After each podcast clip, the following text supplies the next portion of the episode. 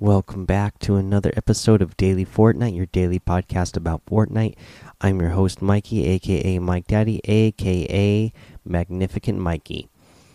Uh, just a little bit of news we got today over in the store. Uh, you can get the Wild Pack, it's available right now. Uh, I always get these little uh, small pack bundles every season that they come out. Um, you know you get the you get the outfit you get the back bling uh, and you get 600 v bucks. So i think it's a pretty uh, good deal. Uh, this is in the store so you're actually you're not spending v bucks to get it. So you know i'm not going to get any support out of this but you know you will get those 600 v bucks that you could use later on to support me. Uh, but yeah I, I always like these little these little bundles just because i feel like they're a good a good deal for five bucks an outfit, back bling, and uh, and some V bucks. Yeah, I, I, I always like them. So the um the the wild outfit is uh describes as more than a little wild. It's part of the white tiger set, is what they're calling it. You know, she's got like the you know white tiger jacket, uh, like some purple blue ombre shorts, pink hair. It's pretty pretty cool looking.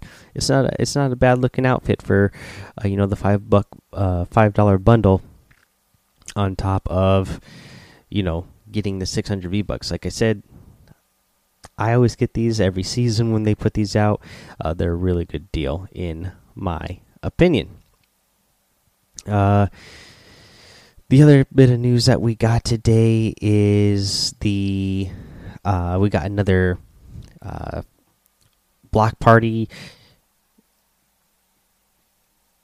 team uh, announcement. Uh, so let's go ahead go over uh, the the team for that. You're gonna have uh, Sharshock, Patriota, and Rafael Dracon, and again another golden ticket winner. So if you're there at E3 uh, and the summer block party, you have a chance to be on that team. So uh, pretty cool. Oh, I forgot to mention uh, in that uh, in the in that wild outfit pack, the wild pack bundle, you get the palette pack back bling. That's a back bling you get with this one. I, I really like this back bling too. You know, it's got like a you know like a little uh, combat knife uh, with on the backpack with some uh, looks like little thermoses in there. Yeah, pre uh, pretty cool uh, one out overall. Uh, let's see. That's all the real news that we got today. Let's go over our week four challenge tip. You need to uh, destroy loot carriers in different matches, three matches total.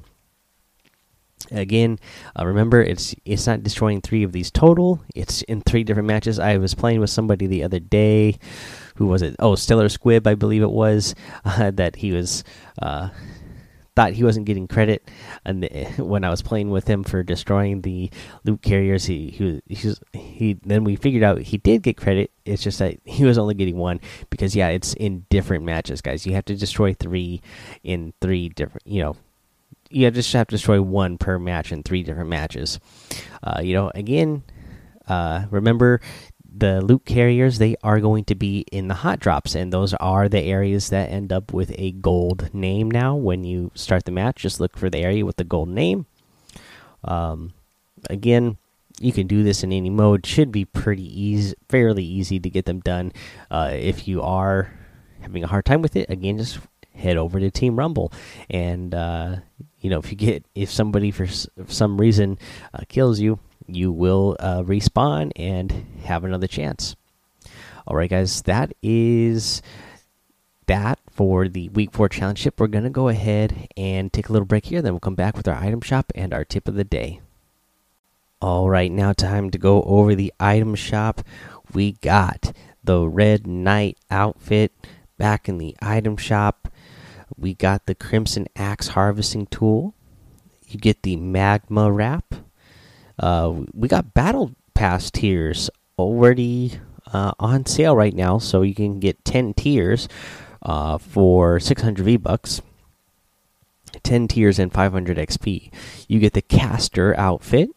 Uh, you get the studded axe harvesting tool, the Switch Step emote, the Sea Wolf outfit, the Rocket Spinner emote, and the Globetrotter glider. Guys, if you're going to get any of the items in this item shop today, I'd really, really appreciate it if you use that creator code Mike Daddy M M M I K E D A D D Y in the item shop because it does help support the show. Uh, now, the next thing that I want to go over is our tip of the day, of course. And for today's tip, I want to I want to remind you about the sky plat the sky platforms and to not forget about them and to actually think about using them as uh, some of your drop points in some matches because uh, you know you land on these sky platforms sometimes they can have up to three chests uh, sometimes you're not going to get that lucky but uh, you know usually you land there you will end up with some sort of loot and then they have the four slipstreams on them and then you can get to another area uh, very quickly uh, i notice i've been landing in public matches anyways uh, i've been landing on them a lot more and uh, nobody else seems to be landing on them with me. So I get the loot there. Plus, I can use the slipstream to get to go to my next spot. And some slipstreams are close to a named area, so you can, uh, you know, get into a named POI pretty quickly. And maybe start getting eliminations if you picked up good loot. And then some of these sky platforms, uh, even though you they might not be super close to a named POI. Uh, you can at least uh, glide down. Most of them at least have some little unnamed POI uh, close by that you can get to. That uh, you can you know loot really quick before uh, opponents get here. It just it's just one of those things where you know the more uh, areas you check and the more chests you open and uh, just more things you come across, you run across, you might you have more chances to get better loot early in the game, which could help give you the advantage over other players. Because you, know you never know, you might find really good weapons. Uh, you, you know if you uh, end up opening more chests. Uh, and getting to other areas faster to uh, loot different houses or buildings faster. Uh, you might have a chance of finding shield before your opponents get shield on. That way, you have the health advantage when you run into an opponent. Just all kinds of uh, real positive things that can come out of landing on those sky platforms. And again, right now, uh, when I go play public matches, I don't have a lot of people landing on them with me, so I'm able to boom, uh, get in there. Um, and get whatever loot is on the sky platform. And then, for example, say uh, I'm on the sky platform that is uh, over by the by uh, pressure plant. You can land on that one. You can easily get down to Lonely Lodge, Sunny Steps, or Pressure Plant from that one. Uh, and then there's some really good unnamed POIs that are like uh, J3. You can get yourself up to H2. Uh, some really good uh, unnamed POIs that you can get to really quickly just from that Sky platform, um, and named POIs that uh, you're gonna be able to get a ton of loot. And because you're already looting a spot where nobody else is landing on top of that Sky platform, and then using that slipstream to get down to your next spot that you want to get to really fast.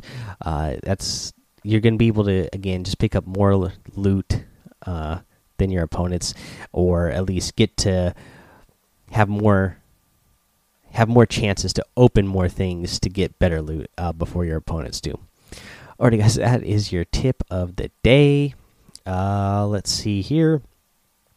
Uh, come join us uh, and hang out over on the daily Fortnite Discord. Follow me over on Twitch and YouTube, Mike Daddy on both of those places head over to Apple Podcasts, leave a five star rating and a written review. Uh, subscribe so you don't miss an episode. Uh, you know, also you'll get that shout out on the show if you leave that five star rating and written review. And uh, until next time, guys, have fun, be safe, and don't get lost in the storm.